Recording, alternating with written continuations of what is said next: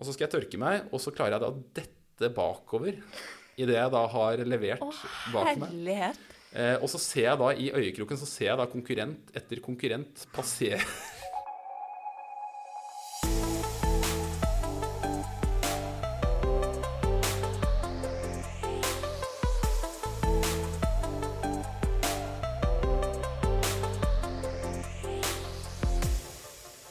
Da er vi endelig i gang med episode nummer to.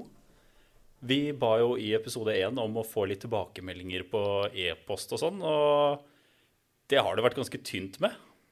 Det har det. Det har vært lite respons, vil jeg si. Men vi kan vel bare bli bedre og bedre, Sindre?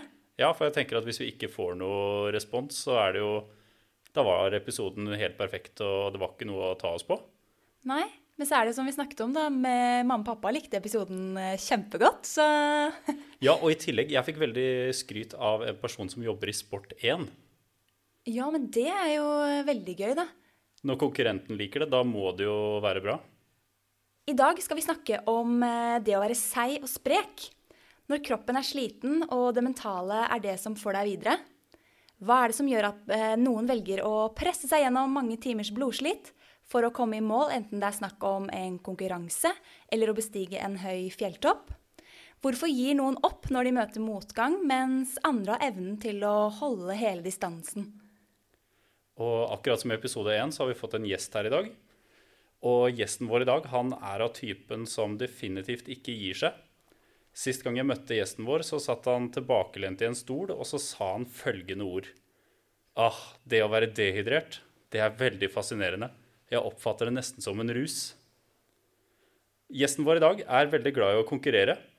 Av meritter så kan vi nevne at han har fullført fem Norseman triatlon med sjetteplass som beste resultat. Han har åttendeplass i Swissman triatlon, fem pallplasser i Trollveggen triatlon, NM, NM-sølv i langdistansetriatlon, NM-gull og sølv i lag. Han har også vunnet lagklassen i Expedition Amundsen og en fjerde- og tredjeplass individuelt. Dette skulle jo tilsi at eh, gjesten vår i dag er av det seige slaget. Så velkommen til oss, eh, Christian Horne. Tusen takk. Og jeg, må rette dere litt. Dere sier jo at dere ikke har fått noen mailer etter den første podkasten. Og det er jo ikke helt sant. Dere har fått én, da. Det var jo da jeg spurte pent om jeg kunne få lov til å Eller forlangte at jeg skulle få lov til å komme og være gjest. Det er sant. Det er jo fordelen når gjestene inviterer seg selv. Det gjør også jobben vår lettere. Absolutt. Men hva syns du om introen? Det var jo, er jo veldig fint å få mata egoet sitt litt sånn på en mandagskveld. Når, liksom, eh, når helga henger litt i og man er litt sånn trøtt og sliten, så er det veldig fint å høre andre prate om seg selv. Da. Det liker jeg jo veldig godt. Men den der setningen jeg hadde sagt når jeg satt tilbake i sofaen med at jeg var så deilig å være dehydrert, den kan jeg ikke huske. Den var veldig hard. Ja, for eh, jeg tror, eh, jeg tror du var litt borte. Ja, Du hadde jo løpt opp og ned en sånn slalåmbakke i Nittedal tre-fire ganger. og jeg hadde glemt, glemt drikkeflaska. du har, Ja, definitivt. Ja, man gjør det, gjør det innimellom. Ellers hadde du gjort det bare for å pinne deg selv, da. Ja, det er trolig. Nå skal det jo sies at eh, jeg og Christian har jobba sammen før. Så det er derfor jeg var hjemme hos han og hørte at han eh, nøt rusen eh, med å være dehydrert. Ja, det er, du vet Når du ikke drikker alkohol, vet du, så må du prøve å finne rus på en annen måte som er sånn lovlig. da. Og da går man for dehydrering. Da går man for dehydrering. Det er også å reise seg fort. Det er også en god mulighet. da, sånn veldig fort, Sånn at man får blodtrykksfall. Det er også effektivt. Men jeg tenker jo litt sånn, for de som ikke kjenner deg, da, så burde vi kanskje få høre litt om hvem du egentlig er. Kan Ja. du si litt grann om deg som person? Ja, Nå gikk dette her plutselig over til å bli litt sånn jobbintervju. Ja, men bare sånn Eh, litt sånn der enkle ting sånn, som beskriver deg, da. Hva, hvem er du, liksom? Ja, eh, ja du, jeg er egentlig bare en person som er veldig glad i å ha det bra. Eh, og det har vel stort sett alle valgene i livet mitt uh, gjenspeila. At jeg har liksom valgt uh, ting som gjør meg veldig lykkelig. Eh, og det gjelder jo egentlig eh, utdanning og fritidsaktiviteter og jobb og det hele. Så jeg jobba jo, som Sindre sa, så kjenner vi hverandre fra før. Jeg jobba jo før her i, i, eh, i Fjellsport, eh, men da i en butikk som het supersport.no. Veldig sånn eh, flott navn. Eh, og Der jobba jo Sindre og jeg sammen med, med markedsføring. Eh, så jeg er 30 år gammel og bruker så mye tid jeg kan i skogen og på fjellet. Det er vel egentlig veldig enkelt fortalt. Og så har jeg jo gjennom tida fått muligheten til å gjøre en del konkurranser og, og ting som har vært sånn av det lengre slaget. Men det har liksom bare vært sånn der gledesprega hele veien. Altså. Det var det. For da vi skulle snakke om det å være seig og litt den der mentale biten rundt det å ikke gi opp og sånne ting, så ja, du er jo den seigeste fyren jeg veit om. Ja, sånn i kjøttet, liksom. Ja. Ja. Jeg tror ikke du skulle spist meg hvis det liksom ble mat- matmangel. Nei, det er sånn skikkelig seig entrecôte. Ja, det er sånn spekekjøtt, liksom. Ja, ja, ja, fy søren. Nå slintret det. Nei, for Grunnen til at vi også gjerne vil snakke med deg nå, da, og noen av historiene vi har lyst til å høre mer om, er eh, når du har gått eh, eh, Ekspedisjon Amundsen, blant annet. Har du lyst til å eh, starte litt med å snakke om hvordan man Hvordan meldte du deg på det, liksom? Ja, altså Amundsen er jo et litt sånn artig konsept. da, For det er jo, det er jo eh, For de som ikke er kjent med konseptet, så er jo Expedition Amundsen en sånn eh, replika av en tur Amundsen gjorde i treninga til Sydpolen. Eh, løypa går ikke helt der han prøvde å gå, men dette her var jo da en tur på Hardangervidda sammen med broren sin, hvis jeg ikke husker feil, broren Leon.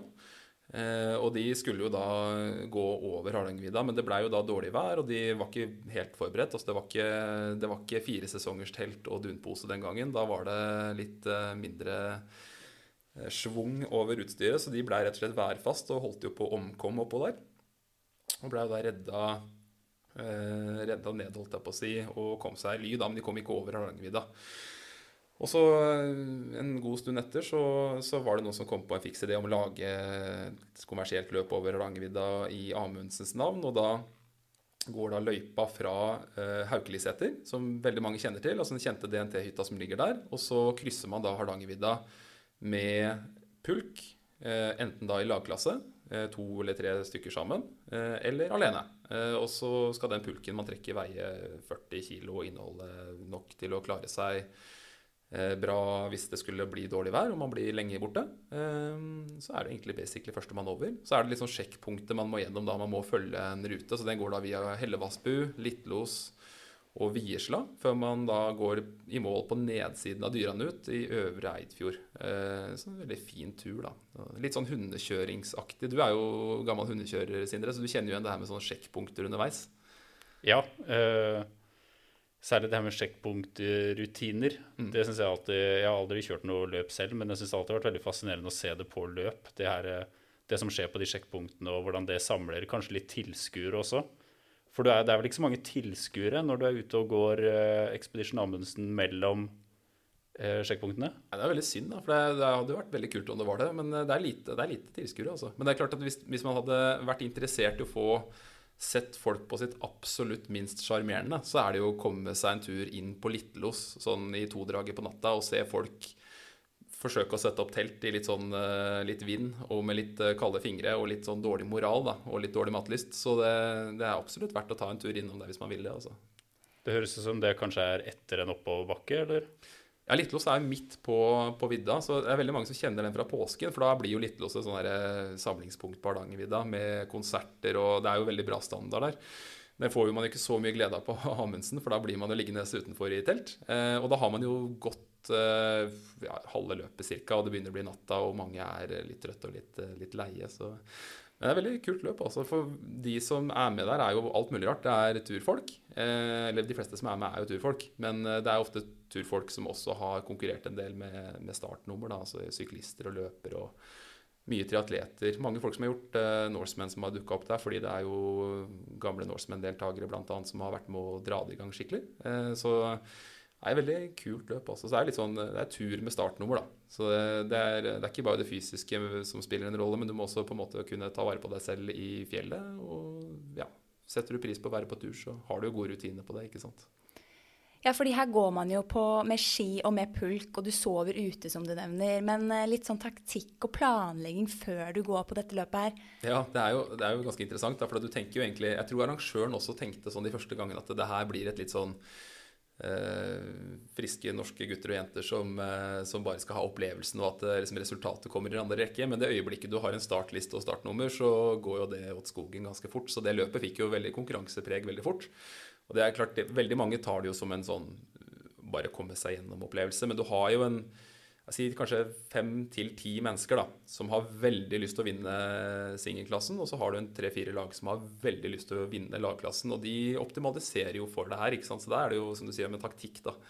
Så vi har jo eh, Det tok jo ikke mange årene før man fant ut bl.a. at eh, det lønte seg å ha med to par ski per hode. Eh, så du hadde ett par med sånne litt sånne lettgåtte ski, typisk da Eh, Amundsen med tre fjerdedels stålkant, eller Amundsen Åsnes med tre, tre fjerdedels stålkant, eh, som da glir bedre og er lettere å gå på, og som du da har smøring på, og som du da liksom kan lange ut med. Og så har du da et par litt bredere ski som du har langfelt på, som da basically blir truger i de første bakkene som er bratte. Og som du til slutt, når du da skal ned til Øvre Eidfjord og kjøre lenge utforbakke med litt sånn teknisk kjøring, så kan du da dra av eh, fellen, og så blir det da litt mer sånn telemarkski, så du har bedre kontroll. da. Så det er jo én ting som veldig fort skjedde. Etter hvert så begynte folk å ha med seg flere staver. Så at du liksom hadde sikre, fine staver til utforkjøringen, og så hadde du langrennsstaver for å gønne på over vidda liksom, med store trinser.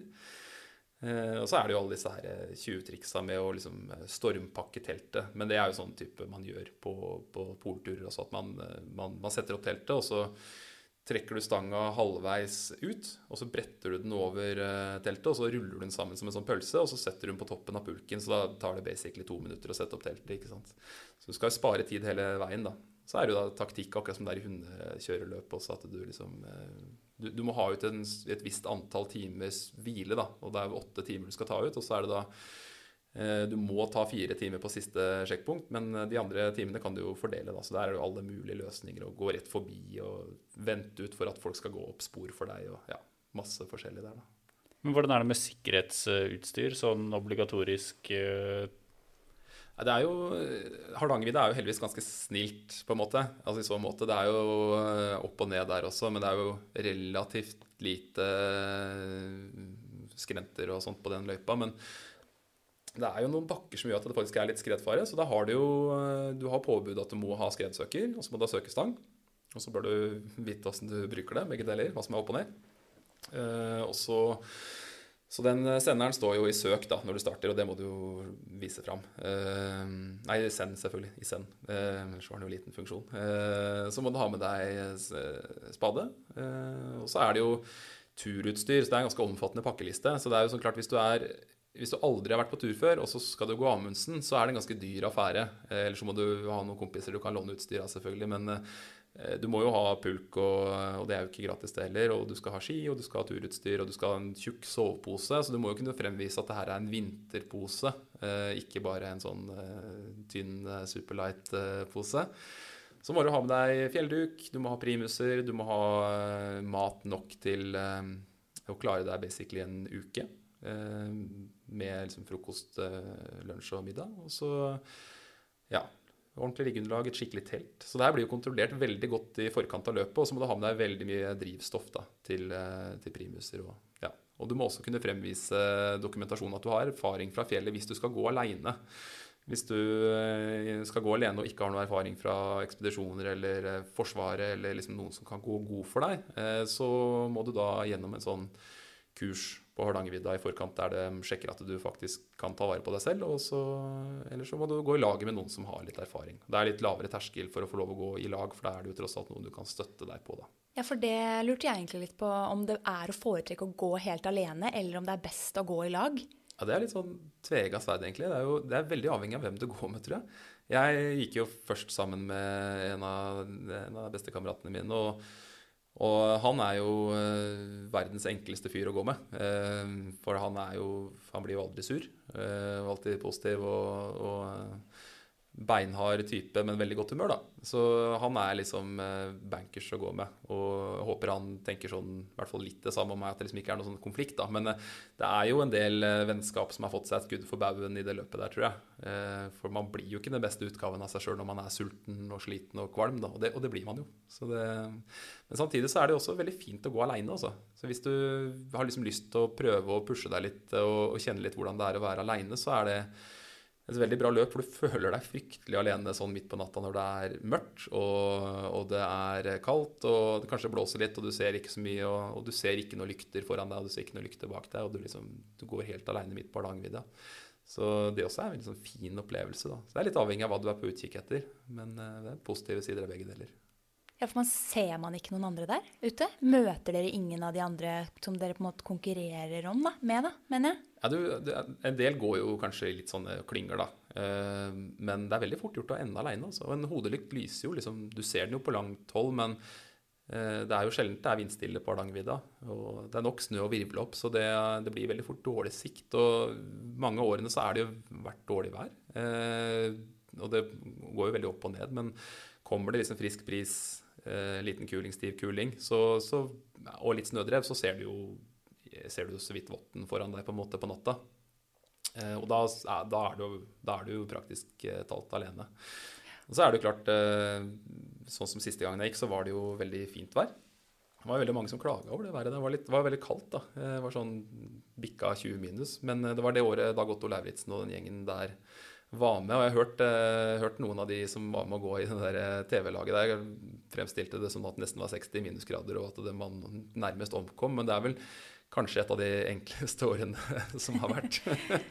men det, det, det, var jo kaldt, men det var jo ikke noe vind. Og det, og det var jo veldig god sikt. Så det, det, var jo sånn På natta der så var det jo månelyst, og du så jo Du trengte ikke å gå med hodelykt. Det var jo som å gå liksom på månen. Det var, eh, var en veldig sånn kul opplevelse. Så eh, ja, det er, det er liksom begge deler. Men det er klart, hvis du ender opp med å gå Eh, sammen med noen midtveis i løpet som kanskje ikke har lyst til å vinne, som bare skal gjennom, så er det jo sikkert eh, fort gjort at man ender opp med å gå sammen. Men eh, hvis du gønner på litt, så er det veldig fort gjort at man ender opp litt sånn i dødens posisjon. Altså. Men uh, hvor langt uh, hvor langt nede har du på en måte vært i løpet av de gangene du har gått Expedition Amundsen? Har du noen gang vært nær ved å liksom kaste inn håndkle eller bare tenkt negativt? og Nei, vet du, jeg, jeg, er jo ikke så jo ikke, Det var, veld, var veldig fin intro jeg fikk i stad, men jeg er jo egentlig ikke så fryktelig god til å pushe meg. For jeg, jeg, har det jo sjelden så jævlig. så jeg går jo Jeg er jo ikke sånn uh, Han Lars, da, som jeg gikk med første året, Lars Kristian, han har jo rekorden på Norseman og er jo veldig god til å pushe seg. Uh, mye mer enn det jeg er. Uh, så han, han, har nok hatt det ganske jævlig på de løpene når han har gått aleine. han har jo vunnet det tre ganger, tror jeg, aleine. Uh, mens eh, jeg har jo Jeg har vært veldig sliten, uh, bevares, og sikkert mye mer sliten enn de fleste opplever å være i løpet av et uh, liv. Men, men jeg har aldri vært liksom noe sånn issue med at jeg har tenkt at nå må jeg gi meg. Sånt. Jeg, har jo, jeg har alltid klart å sette pris på, på turen, liksom. Og man blir jo kvalm og, og trøtt, og det gjør vondt om man fryser og sånn. Men, men, samtidig så har det liksom vært sånn at i de der pausene underveis så har jeg jo gjort det veldig hyggelig for meg sjøl. Så jeg har jo alltid hatt med, med Lars også, og de to siste gangene jeg gikk aleine, så har jeg hatt med liksom to eller tre primuser. Sånn at jeg har liksom kokt øh, vann på én, og så har jeg to som bare har vært der for å sørge for at jeg har det komfortabelt i teltet. Og så har jeg hatt med batteribank, sånn at jeg kunne sørge for å spille Tetris eh, når maten har vært ferdig laga. Eh, og jeg har hatt med smågodt. Og så har jeg liksom passa på å legge meg nært nok de andre teltene til konkurrentene mine, sånn at jeg kan liksom holde skitpraten i gang gjennom teltduken. Da. Jeg veit ikke hvor mye de har satt pris på det, da, for jeg prater jo fryktelig mye. Men, eh, men jeg har i hvert fall kost meg fælt. da. Så det har liksom vært eh, Enten så har det vært null komfort, eller så har det vært ingen komfort. da. Så, men eh, de der komfortene i pausen har liksom gjort opp for at det, det har vært litt uh, ugreit underveis. da. For det er en annen kollega her på huset som Jeg tror ikke jeg skal nevne navnet hans, men han sa at uh, du hadde surfa gjennom livet og hele konkurransekarrieren på høyt O2-opptak. jeg tror jeg vet hvilken kollega det er, ja. men så vedkommende mente at andre måtte slite litt for kondisen sin, men at du bare er født med den? Ja, vet du, Det tror jeg du har temmelig rett i. Altså. Det er jo det er jo en bok som heter 'Thinking Fast and Slow', som er skrevet av en fyr som heter Daniel Kahneman, en psykolog, som uh, tar opp veldig mye uh, sånne kognitive biaser og, og, snakker om veldig mye av at man tror man har kontroll over ting, og så er det kanskje mye flaks og, og mye ting man ikke har kontroll over. Da. Og en ting han snakker om, er jo det med suksess. Da, at eh, folk, eh, det, er jo mye, det er mange YouTube-filmer og Instagram-quotes som forteller deg at hvis du bare jobber ræva av deg, så kommer det til å lykkes uansett. Eh, og det er bare tull. For suksess er jo, det består jo av flere faktorer enn bare det å jobbe hardt. Og du skal ha, du skal ha flaks, og så skal du, du skal være på rett sted til riktig tid, ikke sant. Og så skal du jo ha talent. Eh, du skal ha forutsetninger for det du driver med, og så skal du ha hardt arbeid. Og hvordan det kakediagrammet liksom eh, ser ut, da, det er jo veldig forskjellig fra person til person. Og den eh, kollegaen du snakker om som mener at jeg har surfa litt gjennom det, han har jo veldig rett, for jeg er jo født med en kropp som egentlig ikke ser ut som at den er noe effektiv på um, ting som går litt opp og ned. Da. For jeg er jo høy og veier jo 85 kilo, liksom. Det, er ingen, det er veldig få utøvere som driver med det jeg har drevet med med triatlon, og sånn som er 1,90 høy og veier såpass mye. Men så er jeg også født med lunger som er 50% større enn det en vanlig mann har. så, så, det hjelper jo ganske mye. Eh, og så har jeg også hatt eh, Så det er jo på en måte kalt det talentet, da, og, og for så vidt litt flaks også. Det er bra genetisk materiale der. Og så har jeg også hatt en oppvekst som har vært prega av at jeg har eh, Jeg har jo aldri hatt PC eller spillkonsoll. Jeg har liksom jeg har egentlig bare blitt jaga ut i skogen. Da. Så jeg har jo bare lekt ute hele oppveksten og sykla til og fra skolen. Eh, og friminuttene ble jo aldri brukt til å sitte med noe mobil, liksom. Jeg, altså, der var det jo steinhard intervalltrening i form av politi og tyv ikke sant? i alle åra på barneskolen. Så det er, jo, det er jo sikkert et grunnlag fra det, da. Så det, han har nok veldig rett i det. At uh, jeg har nok fått mye gratis der. Men jeg hadde jo kanskje ikke surfa så mye på det hvis jeg hadde prøvd å spille fotball, f.eks. Du har jo Sindre sett meg i kontakt med ball, har du ikke det? Dessverre. Ja, det er ganske triste greier. Men Kristin, jeg hører jo litt sånn når du prater nå at uh, du har nesten litt sånn toppidrettsutøverinnstilling til veldig mye. Og hvor du er veldig sånn ryddig og um, pragmatisk, da, hvis det kan kalles det. Um, som virker veldig nyttig å ha med seg på mye av de turene du har vært på. Men hvem er det du på en måte har som trener, eller hvor er det du går når du liksom skal søke råd? Jeg, vet, jeg, jeg, har egentlig aldri hatt en ordentlig trener. Eh, og jeg har jo liksom stått litt utafor den der organiserte idretten hele tida. For veldig mange som driver med det her, har jo på en måte kommet fra en eller annen sånn, et eller annet sånn treningsregime. ikke sant? At man har vært aktiv langrennsløper og, og, vokst opp med det. Men jeg har egentlig bare vokst opp med at jeg har sett uh, skiløpere på TV, og så har jeg liksom etterligna de, og så gått veldig mye rundt. Jeg bodde jo nesten i skauen, uh, så jeg, jeg, drev og tråkka opp skiløype, og mutter'n og fatter'n kjørte meg liksom til den nærmeste lysløypa, og, og så drev jeg liksom bare og prøvde meg fram. da. Så liksom skiteknikk og sånt fra da jeg var liten, det var jo bare sånn sjøllært. Uh, men så har jeg jo, etter hvert som jeg har blitt eldre, så har jeg jo fått veldig mye bra mennesker uh, i vennekretsen min. Jeg har jo jeg har ikke så mye Eller jeg har mange kompiser, men jeg har veldig få nære venner. Men de nære vennene mine er jo veldig close med. Og, og de er jo veldig Flere av de er jo liksom ressurspersoner innenfor akkurat det vi driver med, og brenner jo veldig for det samme. Så jeg har jo veldig flaks at jeg, jeg studerte på idrettshøyskolen. Jeg har en mastergrad derfra. Og en, eh, liksom den beste kameraten jeg hadde i studietida, eh, som fortsatt er en veldig veldig god venn, eh, han er jo, han er jo et sånn kunnskapsorakel. Han heter Mats Johansen og driver et selskap som heter Robust, som følger opp alt fra liksom, mosjonister til landslagsutøvere innenfor utholdenhetsidrett. Og han han, vi har jo aldri hatt noe sånn eh, at han har fortalt meg at på mandag skal du gjøre det, og på tirsdag skal du gjøre det. Men, eh, men Mats har alltid vært en sånn bra sparringspartner. Han har også fulgt opp Lars Kristian veldig bra, og, og, veldig mange gode triatleter. Så selv om jeg liksom aldri har hatt noen sånn trener, så har jeg jo hatt veldig mye bra folk rundt meg. Og så merker jeg jo også det at de folkene jeg har trent med, også inspirerer mye, da. Altså Man ser jo på hva folk rundt seg gjør, ikke sant. Så uh, man plukker jo opp litt her og der, men jeg har nok, eh, jeg har nok liksom surfa mye på kall det liksom litt eh, flaks, da. Flaks og talent. Og så har jeg satt så pris på det jeg har drevet med, at jeg liksom det har ikke følt det som trening i veldig stor grad. Da. Nei. Vi har jo nevnt uh, Norseman triatlon et par ganger her nå. Vi skylder vel kanskje lytterne å forklare litt hva det er. Uh, og det blir vel feil hvis jeg skal sitte og forklare hva det er, Christian. Du kan jo prøve deg, så kan jeg ta til rette deg, hvis du sier noe feil. ja. Eh, det starter med at man eh, grytidlig en morgen blir kjørt med en ferje ca. 3,8 km ut fra Eidfjord sentrum. Korrekt. Og så svømmer man de 3,8 km før man hiver seg på sykkel 18 mil over Hardangervidda.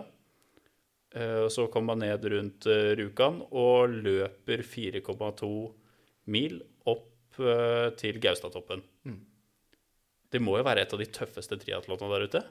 Altså jeg, jeg, tror det kommer litt an på sånn fysikken din, da, hvordan du er utforma. For noen så tror jeg det der er ganske krevende. Og det er jo det er en fryktelig krevende konkurranse. Men uh, jeg tror sånn, sjøl så tror jeg hadde slitt mer med de der flate konkurransene, sånn som Hawaii. Som da er uh, Altså Ironman-konkurranser på Hawaii? Ja, stemmer. Ja. For den er jo paddeflat. Det er jo der liksom alt starta. da. Det er jo der liksom den Ironman-distansen dukka opp. Eh, men den er jo veldig varm. Det takler jeg jo dårlig. Så er den veldig flat, og det takler jeg også dårlig. Så fordelen med Norseman er at den er veldig variert. da. Det er, eh, For det første er det kaldt, og da er det jo bare å kle på seg hvis man fryser. Det er verre hvis det er varmt. Eh, og så er det jo mye bakker, opp og ned, mye forskjellig liksom, terreng, veldig mye forskjellig landskap. Så den er jo estetisk pen, og så er den jo også veldig variert. Så du blir liksom Hvis du har sittet lenge i tempobøylen på Hardangervidda, så veit du at om ikke så lenge så skal du opp og stå tråkke litt oppover bakken etter Geilo. Så det er veldig liksom variert. men men det er jo veldig tøff løype. det er jo det. Og så er det liksom kul historie med det. Har, har dere hørt det, hvordan den oppsto? Nei. Nei, det var jo, ikke det heller. Nei, det er jo litt sånn, er litt sånn pussig, for at eh, triatlon i Norge er jo ikke, det er jo ikke kjempestort. Eh, og det har jo aldri vært superstort. Det har, jo, liksom, det har jo vært stort en gang på 90-tallet, men stort er jo da relativt i forhold til alle andre idretter, selvfølgelig. Så eh, ikke så mye deltakere, men det, det var jo en liten topp da, og så døde det veldig bort. Så sånn på 2000-tallet så var det nesten ikke-eksisterende i Norge. Eh, og så var det en fyr som heter Pål Hårek Strandheim. Nå heter han jo bare Hårek, tror jeg. For jeg tror når han fylte 50, så fjerna han Pål. Eller den, som han sa, han fjerna det vorta av et fornavn han hadde. For han syntes at Hårek var så kult, og det er jo helt riktig. Og Hårek han er jo eh, utrolig kul fyr. Han, han hadde vel liksom en sånn sammen med noen kompiser en liten løsning på hvordan man skulle liksom få interessen tilbake igjen for triatlon. Så han fant ut at det liksom var jævlig kult å gå i mål på Gaustatoppen. Altså han satt liksom nåla der, og så strakk han da 18 mil på, satt på kart, og så strakk han liksom 18 mil tilbake. Ok, Hvor er det vi kan ende opp da? Jo, vi kan ende opp dit og dit og dit. og dit, ja. Men vi må ende opp et sted der vann, ikke sant. Ok, Så endte han opp ved Eidfjord, da. Det var perfekt 18 mil fra Gaustatoppen. Eh, eller først en maraton, selvfølgelig, da. Og så endte han opp i Austbygde, og så 18 mil fra Austbygde til Eidfjord. Og så er det veldig enkelt å bare få til 3,8 km svømming. Så det er jo historien på hvordan Norseman ble til, da. Og så har jo han eh, han sto jo bak det var liksom gründeren med det og dro det i gang. Og så vokste det litt, og så vokste det litt, og så vokste det litt. Og så har det blitt stadig mer eh, kommersielt. Så nå er det jo liksom blitt en sånn eh, Det har jo blitt en greie, liksom. Det er jo mange utlendinger som vet om Norseman, men som ikke vet om så mye annet norsk triatlon. Så det er jo liksom I Norge så er det jo fælt å si det, men det er jo synonymt med triatlon. Det er jo mer oppmerksomhet på det enn det er på NM, f.eks. For, for jeg mener å huske Apropos det her med litt sånn uh, å gi opp og se litt svart på det. Så mener jeg at du en gang fortalte at da du løp oppover mot uh, Gaustatoppen langs bilveien der, så var det en bil som begynte å skjene. Å, det husker jeg ikke. Du fortalte meg at uh, du hadde løpt oppover der, og så hadde du vært veldig, veldig sliten og litt ja. sånn uh, jo. Ja, ja. ja, det var den, ja. ja. Det var dårlig øyeblikk. ja, det var dårlig øyeblikk. Det setter seg sånn ting hos Sindre, for er, han husker veldig mye mer enn gjestene. Det er litt sånn morsomt. Ja. Skal jeg prøve å gjenfortelle hva jeg husker, og så får du heller rette på meg? Ja, gjør det. Jeg begynner å skjønne hvor det går hen. Ja, for jeg mente at uh, du kom løpende, og det kom en bil imot. Og han sjåføren begynte å vinke, vinke til deg. Og så begynte bilen sakte, men sikkert å skjene over mot den sida av veien som du løp på. Ja. Og da tenkte du i et litt svakt øyeblikk at du håpet at bilen skulle treffe deg, sånn at du kunne avslutte det løpet med verdighet. Ja, det er det. Ja. tenkte litt sånn her, Det er uheldig tanke, vet du. Det er det. Ja, jeg tenkte at det, det, har, det, kan, det, er på en måte bedre å gå med gips i seks uker eller tre måneder, eller hva det blir, enn å på en måte måtte fortsette. da. Det hadde kanskje blitt noen år med gips, tror jeg. Ja, det er jo det er litt sånn på sykkelen, og du tenker at hvis man sklir sånn passe hardt, og liksom slår seg sånn passe hardt, så, så skjønner folk at du bryter. ja, Så du har de negative tankene, du òg? Ja, men det går jo over, da. Det jo, men det er også en sånn øvelse at man vet jo at det, de, det går litt opp og ned, da. Men uh, hvis man hadde følt seg sånn i hverdagen hele tida, altså, da, da, hadde det lugga bra. Altså. ja, men si du har gjort et løp, da, og så tenker du sånn Ja, det gikk sånn helt passe. Hvordan, eh, hvordan, hvordan, tenker du om det i ettertid da, liksom? Vet du det er jo de jeg har, jeg har jo egentlig ikke så mange løp det har gått sånn kjempebra, så det er jo de det er flest av, egentlig. Eh, sånn som har gått helt passe. Men eh, nei, altså jeg er jo, det er jo et godt spørsmål, egentlig. For du legger jo veldig mye i det underveis. Og så er det jo på en måte veldig få mennesker som bryr seg om hvordan det går. da. Det er jo stort sett bare deg sjøl. Og så har jeg jo folk rundt meg som gir en like på Facebook og en hyggelig kommentar om at uh, du har vært flink til å bli sliten. Men det er jo, løser jo ingen verdensproblemer med det. Så det er jo liksom hvorfor i all verden man gidder å ha det ubehaget. Så, men det er jo sånn underveis, da, så tenker jeg jo alltid, uansett om det er en tre kilometer sånn gateløp i nærheten av der man bor, eller om det er et langt løp, da, så tenker man jo sånn at om x antall timer eller x antall minutter så kommer jeg til å bare tenke tilbake at det, det, gikk jo, det her gikk jo fort over, på en måte.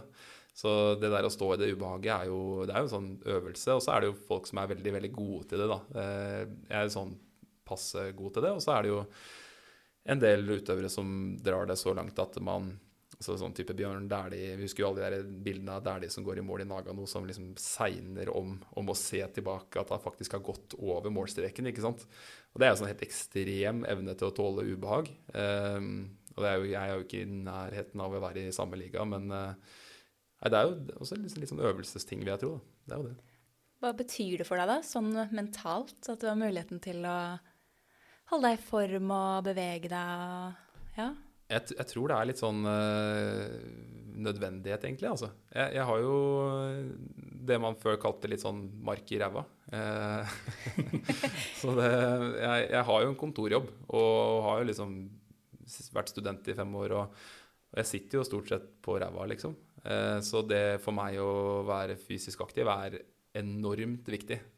og det er svært liten grad eh, basert på at jeg ønsker å være i form, liksom. Men det er bare så lenge jeg rører meg, da, og, og får oppleve natur og, og bli sliten og, og, oppleve litt høydeskrekk og liksom rett og slett få en kontrast da, som gjør at man kjenner at man er et menneske, det, det, det, veit jeg er veldig viktig. Og jeg merker jo det eh, på de jeg omgås også, at jeg er jo en eh, fryktelig mye mindre hyggelig fyr å ha med å gjøre hvis jeg har sittet stille en stund. Og så er det jo veldig sjelden jeg føler på noe sånn mørke tanker, men det er jo de periodene jeg ikke har rørt meg pga. et eller annet da, over tid, så er jeg jo ikke noe bra utgave av meg sjøl. Det er jeg jo ikke. Men hva sier vi til de som eh, sitter med en liten drøm i magen og kanskje har lyst til å prøve seg på en sånn type tur da, som Ekspedisjon Amundsen? Hvor eh, skal man begynne? Hva bør man tenke på? Godt spørsmål. Det er jo jeg, jeg, tror jo kanskje det aller første er liksom å begynne å bare utforske litt friluftsliv. da. Eh, jeg har jo liksom den basen fra jeg var liten at jeg var speider sammen med bestekameratene mine, liksom, og, og var eh, mye aktiv sammen med kompisen min Eirik og, og Ivar. Og, og, var mye ute. Eh, så jeg hadde jo for det første mye utstyr fra før, og jeg hadde mye erfaring fra før. Og var også i Forsvaret og, fikk erfaring der. Men jeg tror liksom det første er bare å begynne å dra ut litt på tur i helger. Eh, ta med deg ski og se om du kanskje får lånt en pulk. Det holder lenge å låne en sånn type sånn barnefjellpulk fra Du har garantert noen du kjenner som har det.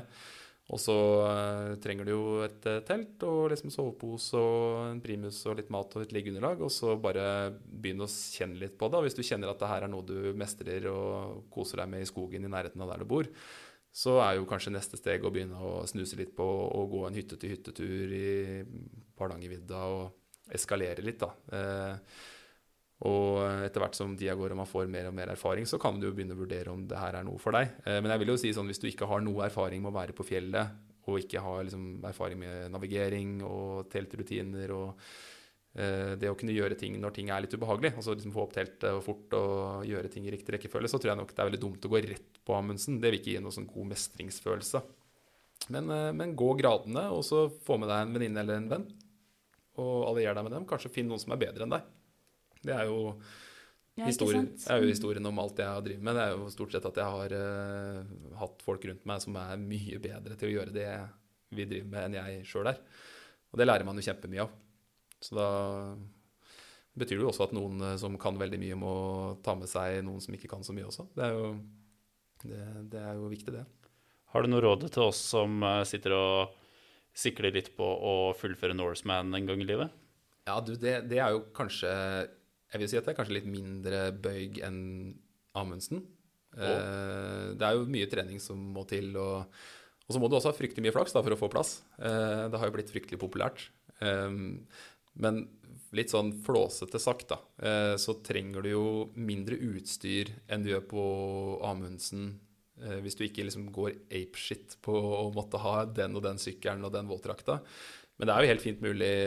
Så jeg husker jo Jeg jobba jo i fjellsport i noen år. og, og har jo vært eh, veldig mye i sportsmarkedet eh, og veit jo hva som er bra nok. Og hvis du bare skal gjennomføre, og nå ser jeg ikke bare som at det er noe sånn nedlatende, men for det å gjennomføre en i seg sjøl er en kjempebragd. Eh, men eh, hvis du skal gjennomføre og få enten hvit eller svart T-skjorte, så, så, holder du lenge med en helt grei våtdrakt. Og der fins det jo mye billige alternativer. Det fins mye bra på Finn også. Eh, så er det jo sykkel. Det er jo landeveissykkel. Må ikke ha en temposykkel. Eh, den må være liksom i forskriftsmessig stand. Eh, og joggesko har du sannsynligvis fra før. Eh, og så er det liksom type triatlonbekledning og alt det der. Og så må du jo ha en support-team da, som følger deg. Men eh, det, de fleste der har jo samboerne sine eller noen venner som stiller opp og, og tar en feriedag og blir med på det eventyret det er å være support. Eh, jeg har jo vært support tre ganger sjøl også, i tillegg til å liksom kjørt løpet sjøl. Og det er jo også en fantastisk opplevelse. Jeg vil jo nesten si at det er en av de fineste opplevelsene jeg har hatt på Norseman. I hvert fall kanskje den nest beste er jo som support. Um, så uh, hvis du liksom har en drøm om å gjøre Norseman i løpet av livet, så vil jeg for det første anbefale bare søk uh, helt ukritisk. Uh, fordi at sjansen for at du får plass, er ganske liten. det er jo um, det er et elitefelt, og så er det vel noen sånn medieplasser, og så er det noe sånn kvotering på utenlandske utøvere. Og så er det jo tombola da, på resten. Altså det er random-funksjonen i Excel, rett og slett. Og det er ganske få plasser å kjempe mot. Så sånn statistisk sett, hvis du er norsk mann, da, så er det sjansen ganske liten. Så det er egentlig bare å begynne å kaste inn lodd i potten og søke og søke og søke. Og hvis du får plass, så har du tid til å eh, trene nok, på en måte. Så eh, det er eh, et, Jeg har sett mange folk som har gjennomført Norseman som jeg har tenkt at eh, wow, du, du har virkelig gønna på i dag og jobba med deg sjøl. For du ser at kroppsfasongen er kanskje ikke helt det du ser for deg med Norseman. Men det er jo det er jo en sånn dag der du, hvis du bare klarer å kjøre etter evne, da, og ikke er så opptatt av akkurat hvor fort det skal gå, og bare skal i mål, så, så kommer man seg gjennom hvis man er sånn noenlunde sprek, altså. Så det er ikke noe det er en veldig tøff dag, men uh, har du veldig lyst til å gjennomføre, så er jo den lysta den er ofte sterkere enn det fysikken kanskje skulle tilsi at det er mulig. da. Silje, kanskje du skal spørre Christian om uh, sånn ernæringstips dagen før man kjører Norseman? For der veit jeg at det ligger noe juice. Ja, der burde du jo nesten hørt med Ja, da spør jeg om det, Sindre. ja, gjør det. Har du noen tips til oss, eller? rundt ernæring før uh, Norseman? Hva er det du egentlig spør om, Silje? Jeg er litt usikker, faktisk. Hva er det jeg egentlig spør om, Sindre? Jeg, jeg, tror, uh, jeg tror det handler om mengde ja. og rett. Ja, jeg, jeg, skjønner jo hvor du vil. Det, er, eh, det var siste, siste gangen Greia er jo at jeg Mens jeg jobba her da, i Fellesport og Supersport, så lagde jeg og kompisen min Jakob en sånn YouTube-serie. Jeg tror den fortsatt ligger ute, for så vidt. Eh, med sånn Norseman-guiden. Da hadde vi flere episoder da, med forskjellige temaer. Og et av temaene var jo da eh, ernæring. da, med sånn Før og under og etter. Du, Jeg tror faktisk jeg har sett en av de episodene. Nå når ja. du sier det. Ja, når vi sitter i parken på Østensjø og prater i vind. Ja. Ja, Stemmer det. Ikke noe ullsokk over mikrofonen der, nei. nei, det var, det var, der bare jekka vi opp lyden i premiere etterpå. Mm. Nei, det, det, det, var greia var at jeg har, jo, jeg har jo egentlig vært ganske heldig, da. Eh, jeg har aldri måttet liksom gå ut og bæsje under en konkurranse. Eh, og det er jo ganske mange som må, da. Eh, det er ganske vanlig. Og så har jeg alltid vært litt sånn Prata ganske nedlatende om folk som ikke klarer å ha orden på ernæringa si. Så i den episoden så, så forklarte jeg jo at det gjaldt å liksom vise litt måtehold dagen før. Eh, og kanskje ikke dytte nedpå med masse mat som blir litt sånn volumiøst i magen. da. Og så passe på å gå på do da, rett før start. Det er liksom trikset på Norseman. da. Når du kommer opp på den båten Sindre beskrev i stad, som kjører ut fra Eidfjord, så er trikset å gå rett på doen, for den ser og lukter ganske jævlig etter hvert når 350 eh, nervøse mager har vært der. Så, men så var det sånn at jeg er ganske svak for eh, Det er to retter da, som jeg kan spise med hjelp på. Det er butter chicken, og så er det lasagne. da.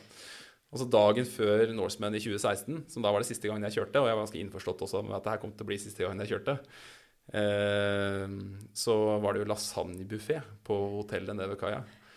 Og så var det så jævlig koselig å spise middag. Da satt jeg sammen med, med Jakob, eh, som vi har snakka om i stad, eh, som også har kjørt fem Norseman. Og så satt jeg ved siden av Lars Christian, eh, som eh, sikkert da hadde kjørt seks Norseman eller et eller annet. Jeg tror han ble nummer to det året. Og så, så, var det så hyggelig. Vi hadde liksom supporten der. Jeg hadde kjæresten min Marie, kona til, eh, til, Lars var der. Vi hadde sønnen til Jakob var der. Vi hadde liksom, det var skikkelig god stemning. Da. Han ble sittende i sånn tre timer og spise. Og jeg tror jeg spiste sånn seks sånne toppa tallerkener med lasagne pluss hvitløksbagetter og pudding til dessert. da. Og, og følte meg jo ganske, følte meg ganske stinn da når jeg gikk ut fra det, den middagen. Så tenkte jeg ja, det går fint. Altså, det her rekker jo Passasjetiden min er omtrent sånn til den tida i natt, da. Så det går fint. Jeg legger meg og sover, og, og, og velger da å ikke gå på do kvelden før. For jeg tenker at når jeg først skal på do, så skal jeg liksom få rensa ut alt. da. Og gjør som vanlig, går på doen på ferja. Og så tenker jeg at ja, ja, det er fint. Dette er bra. Dette er ikke noe problem. Og så hopper jeg ut i vannet. Da tar det sånn kvarter da, fra du hopper uti til starten går. Eh, og så kjenner jeg sånn midtveis da, inntil jeg tur at eh, oi, er nå, nå, er det noe som ikke er helt som det skal. Dette er ikke sånn som det pleier å være. Nei, guri. Og så tenker jeg da, men det går sikkert over, tenker jeg. Det gjør det aldri. Det gjør ikke det, vet du. Det er aldri. Det tror, det tror jeg faktisk aldri har gjort. Eller det går jo over, men det er jo ikke på den måten du vil at det skal gå over. Nei, nei. Og så tenker jeg sånn, ok, kanskje jeg bare skal ta, så ta et bite sureple, bare beine inn på dassen på hotellet. For der er det jo liksom toalettpapir og vask. Og så slår jeg liksom fra meg og tenker at det ligger det ikke. Og så sykler jeg oppover. Og, og så for de som er kjent der, da, så sykler du en ganske lang oppoverbakke fra Eidfjord til Dyranut, den turisthytta der. Og oppover der så passerer du jo eh, do etter do etter do etter do. Som både er estetisk pene og veldig godt plassert i forhold til veien. Der det også er vask da, og toalettpapir. Og renslige forhold. Eh, og så tenker jeg nei, det går vel over. Og det går over. Og etter hvert så begynner jeg å se gravid ut. Eh, og føler meg også ganske gravid. Og jo, det jeg er svanger med, da, det går eh, ikke over uten å ta grep. Da. Så litt før dyrene ut så møter jeg da eh, supportbilen min eh, med, med kjæresten min Marie og, og kompisen min Jakob. Som er, og det må jeg bare si før jeg forteller hva som skjer, så, så det, er, det, er, nydelige mennesker. Det er noe av det flottere du får tak i av folk. Eh, ekte hedersmennesker. Så jeg stopper eh, ikke, men jeg skriker inn til bilen idet det passerer meg at eh, stopp ved neste rasteplass og finne fram dopapir. Og når jeg kommer fram, så, så, står de klar med dopapir. Jeg hopper ut, og så finner jeg da en stein for å gjemme meg bak. Og det var sånn litt sånn elefant bak lyktestolpe. Eh, I sånn eh, tåke, lett yr og eh, stiv Ikke stiv kuling, men sånn litt god bris, da. Så klarer jeg liksom å sette meg ned på huk. Og hvis du har sykla liksom det du makter da, i tre mil i motbakke, og det er litt kaldt, for det er liksom to grader eller et eller annet, og så skal du prøve å holde hockey mens du også skal prøve å gjemme deg litt bak en stein, da, da begynner beina å skjelve ganske fort. Så jeg gjør meg ferdig, og så skal jeg tørke meg, og så klarer jeg da dette bakover idet jeg da har levert Åh, bak meg. Eh, og så ser jeg da i øyekroken så ser jeg da konkurrent etter konkurrent passere passerer Sindre har totalt lættis. Og du har ganske stum latter, egentlig. det er fordi jeg har mikrofon foran meg. så jeg klarer da å bli jo ferdig, da. Og liksom, det tørkearbeidet tar jo litt tid. Og så, så kommer jeg da tilbake med sånn toalettrull som jeg, jeg, skammer meg jo fortsatt med å liksom ha overlevert den her til disse menneskene. Og, og det, det, det, vakre her er jo at eh, jeg ser jo at både Marie og Jakob syns jo det her er forferdelig udelikat, og at jeg er et ekstremt ekkelt menneske. Litt sånn svett i lykra, og så har jeg liksom gjort det jeg akkurat har gjort. da, Og de har liksom stått og titta i øyekroken på det som har skjedd. Og så kommer jeg meg videre, og så, eh, og så får jeg vel høre sånn en gang seinere i løpet av Jakob at eh, du, du, kan veldig gjerne prøve å oppføre deg litt mer ordentlig som et menneske neste gang. Så, så da lærte jeg, lærte jeg det. det. det. gjorde jeg. Så du var i bobla? Jeg var i bobla, ja. Var det, altså. Så, men jeg, har jo, jeg tror faktisk Jakob har lagt ut en film på YouTube av at jeg sitter og bæsjer bak en stein på Hardangervidda. Og det er så flott, men jeg sitter med den lille Aero-hjelmen også. Det er, altså, det er, så mye som er gærent med det bildet der. For å hoppe videre litt, da. Jeg tror vi må det, dere. med tanke på det at du har gjort da, så mye eh, og vært med på så mye løp, føler du at du har blitt seire av det?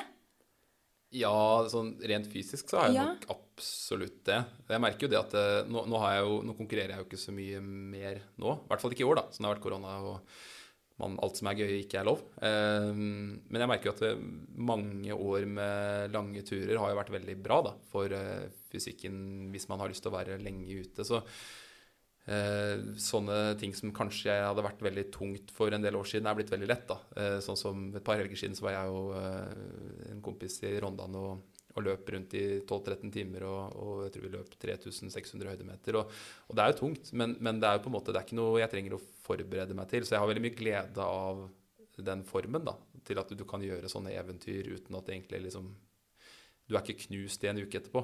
Eh, så det setter jeg veldig veldig pris på. Så veldig mye av det friluftslivet jeg driver med i dag, er jo eh, noe som går veldig mye lettere fordi man har blitt litt, eh, som du sier, seig, da, Silje. Og så Ja. Sånn mentalt så merker man jo ikke så mye av det sjøl, kanskje, men man, jeg tror jo også man blir litt sånn Man blir jo litt sånn positiv av å ha hatt en del ubehag, fordi man hvert fall hvis du har kommet ut av det og følt at du har mestra det, da, så vet du at det er, eh, det er ikke noe farlig å bli sliten. Eh, mer farlig å ikke bli sliten, kanskje. Eh, og det går stort sett bra, og så går det jo over. Så hvis ting er liksom ubehagelig og du har gnagsår og sånn, så veit du at det gror. og hvis du er litt kvalm og, og føler deg dårlig når du er blitt trøtt og sliten, og sånn, så gir det seg også.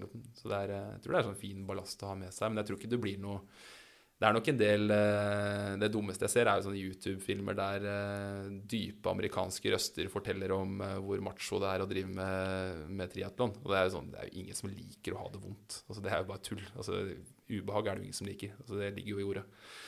Det jo, men det er jo en forskjell på det å like å ha det vondt og det å mestre det. da. Og det tror jeg de fleste kan gjøre også.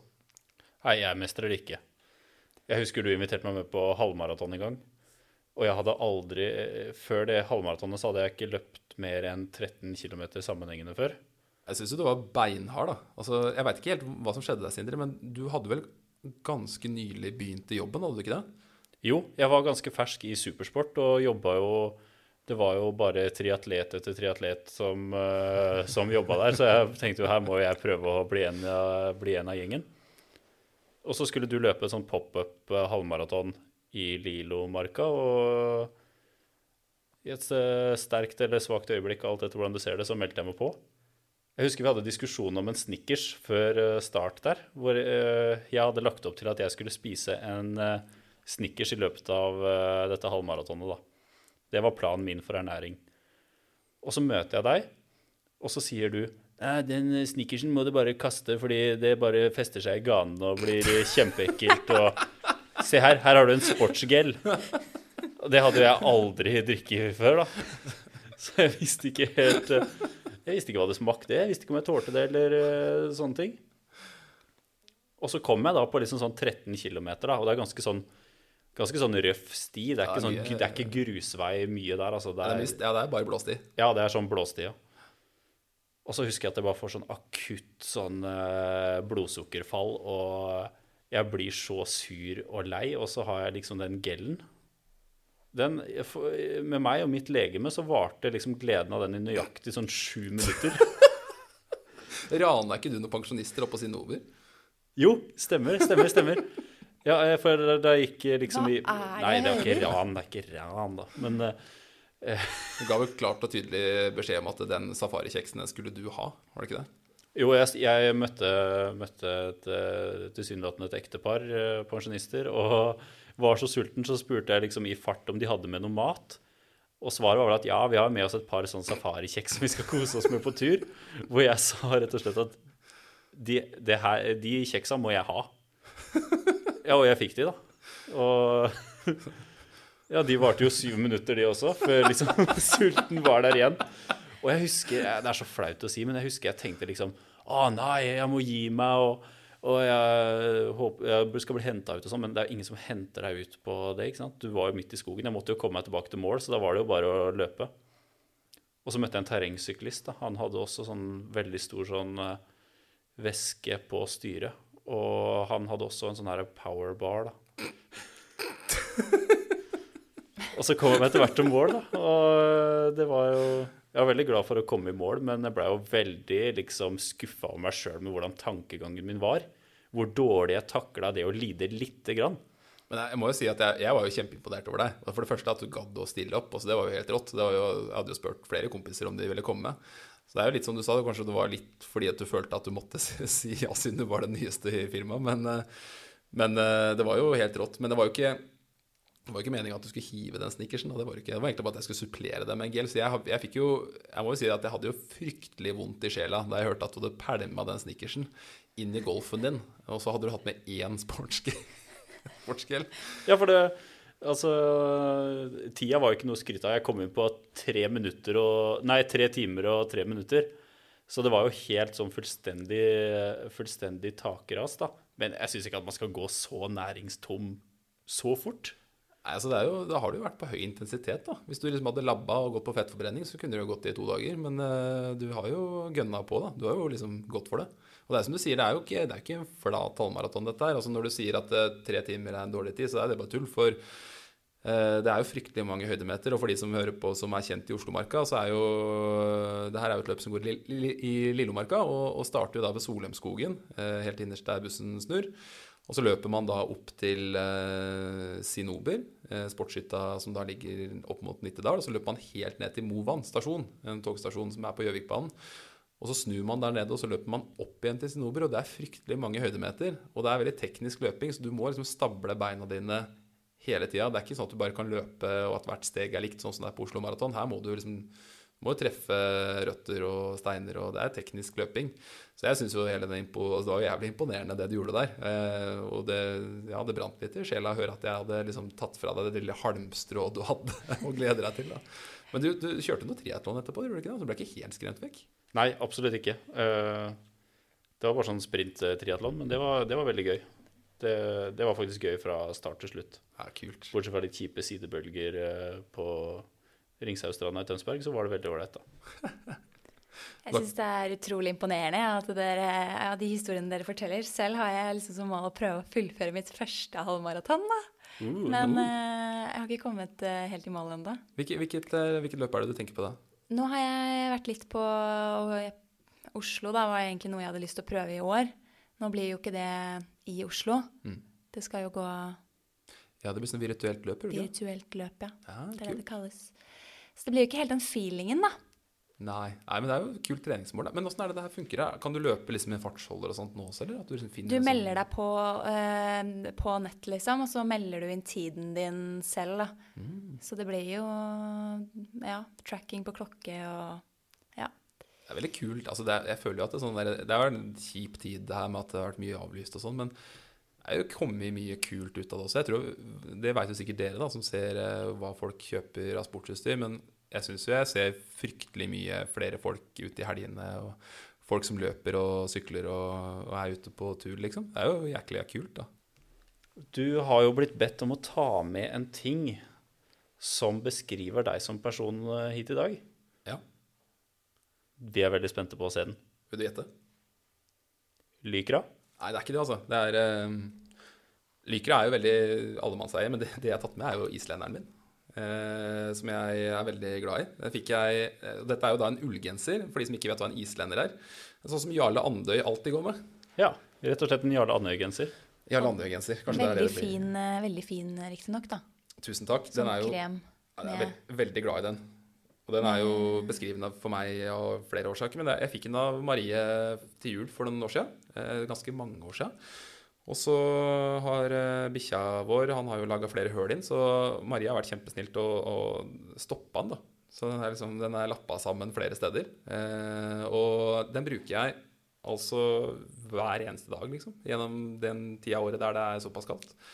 Og jeg bruker den til alt mulig. Jeg den jo, altså Da jeg jobba i fjellsport, så hadde jeg jo to antrekk på sommeren. Så, jeg, så gikk jeg jo i rosa badeshorts og blå Patagonia-T-skjorte og slippers. Og på vinteren så gikk jeg med blå jeans og islender. Men det var noen ganger vi hadde nikkersfredag på Supersport, og det var veldig hyggelig. Ja, det stemmer det. Ja. Det har jeg ikke der jeg jobber nå. Det er litt trist, egentlig. Men uh, den er eh, Ja, det er rett og slett et plagg som Og den er med på alt av turer. Den har vært uh, masse i skogen, og så har den vært i familieselskaper, og den har vært på jobb, og ja, det er det er, min, det er min genser, og den, den har vært med på alt fra friluftsliv til ja, Ikke bryllup, da, der får jeg ikke lov til å ha den på meg. Men Har den på meg nå. Men passer til de fleste anledninger. Det gjør det, altså. Hva er det du eh, føler at du må ha med deg på tur, da, som ikke du kan være uten? Oi. Hvis du har noe, da. Ja, nei, det er jo ganske mange ting. Um, nei, altså Sånne åpenbare ting som mat og sånt, det må man jo. Men uh, en ting jeg er veldig glad i, da, som ikke er noe sånn banebrytende, det er jo en jervenduk. Uh, og da den fora varianten i sånn full lengde. Jeg tror den heter termohunter, kan det stemme? Ja, det er Stemmer. Hunter, og så er det Ekstrem, som er litt tjukkere enn den igjen. Mm.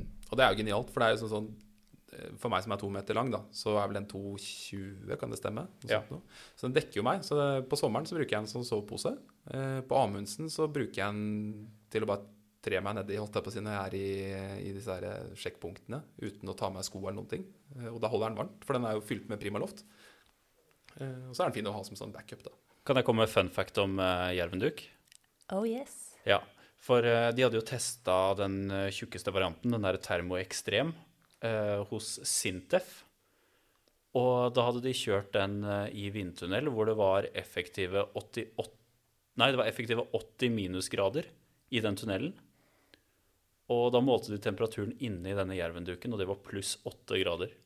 Det er jo helt sjukt. Ja, det er helt Ja, det er ganske rått, altså. Ja. Det er, og det er et norsk produkt. Det er ganske, ganske fett. Ja, Og i den ufora-varianten så var det minus 20. Jeg lurer på Det er fortsatt ganske rått når det er ett lag, da. Det er jo helt vilt. Og det er jo, det er jo en av disse triatlonkompisene til han Hårek som grunnla Norseman. Han er jo fysiolog. Det er mulig, det er mulig jeg må faktasjekkes her, altså, men han eh, tror jeg har vært involvert i test av jervenduken. En sånn tilsvarende test som du nevnte nå. Og han uttalte vel sånn at så lenge du lever og holder deg inne i en jervenduk, så vil det under liksom normale, tross alt ekstreme klimatiske forhold være nesten umulig å dø i en jervenduk. Ja, ja, jeg tror jeg har sett det samme sitatet. Og det var eh, Hvis du hadde på deg to lag med klær, og du lå på et vanlig sånn skumgummiliggeunderlag, så er det liksom nesten umulig da, å, å fryse i hjel i den der eh, tjukkeste fora-varianten. Ja, det jo, må jo være julegaven til den som har alt bortsett fra Evenduk. Det tror jeg alle har glede av. Men, men jeg kaster ut en liten brannfakkel der. at det, det blir jo stort sett solgt i skogs- eller fjellkamo. Jeg har jo fjellkamo sjøl. Jeg har akkurat kjøpt meg ny. Ja, kjøpte du oransje? Ja, Ja, du det? jeg gikk for oransje. Eh, Rescue. Orange. Ja, for det er, er det ikke litt eh, døvt å prøve å ikke bli sett hvis du først trenger hjelp? Jo. Godt poeng. Ja, det, Jeg had, jeg had, altså Sannheten er at jeg hadde den termoekstrem i fjellkamuflasje, og så, og så eh, kom jeg til meg sjøl og tenkte at eh, jeg har ikke noe bruk for kamuflasje. nei, Så da gikk jeg for orange istedenfor. og det er jo et lite stikk til alle jegere der ute også. Jeg er jo jeger sjøl, og jegere har jo vært veldig glad i grønne klær i alle år. Men eh, det ryker jo med et par jegere hvert eneste år av hjerteinfarkt, eller at eh, kompisen mister hagla og skyter deg. Og da er det veldig greit å bli sett. Så det er ikke Altså rypa tror jeg Rypa driter i om du har kamuflasje eller ikke. Altså den eh, Jeg har oransje jakke, jeg har ikke mista noe rype på bakgrunn av det, altså. Så farger er fint. Og så har vi siste spørsmål til deg, Christian. Er det noe utstyr du ønsker deg som du aldri har fått deg til å kjøpe? Ja, det er jo ganske mye. Det er én veldig spesifikk ting. da. Nå er jeg ikke forberedt her, da, men jeg, tenkte, jeg har tenkt mye på det siste. Og det er jo Jeg har jo veldig, eller i hvert fall hatt veldig høydeskrekk, og så har jeg liksom begynt å klatre de siste åra. Finne ut at det er sinnssykt morsomt. Eh, og fikk jo prøve klatreveggen her på kontoret akkurat nå også. Eh, men jeg har jo veldig lyst til å begynne å gå liksom Tinder, da. Sånn type Store Skagastølstind og Austerbotn-tind og sånn. Og da Eh, kanskje med fører til å begynne med, men etter hvert kanskje også aleine, sammen med kompiser. Og da trenger du liksom kamkiler og, og sånne eh, Hva er det dere kaller det? Nøtter? Kiler. ja. Eh, og liksom naturlige sikringsmidler. Og det er ganske dyrt. Eh, og veldig solid. Altså. Det er jo ikke sånn at det går i stykker med det første. Men eh, det har vært sånn Jeg har nok ikke droppa å kjøpe det fordi at det bare har vært dyrt. Det har vel også vært litt sånn ærefrykt. da, at det du, du er litt uh, hardcore når du har uh, kammekiler i uh, garasjen. Og så er det jo ingenting som er mer trist enn å ha naturlige sikringsmidler i klatrerekke, men å aldri bruke det. Så det er vel kanskje det, det som eksemplifiserer det spørsmålet best. Ja. Så hvis du får det i julegave av fjellsport.no, så har du ikke noen unnskyldninger til å ikke bruke det lenger?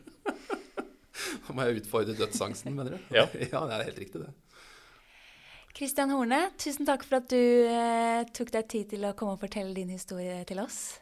Tusen takk for at jeg fikk komme. Det var veldig, veldig hyggelig. Og med det ønsker vi Litt tilbakemeldinger på e-post, takk. god tur! God tur!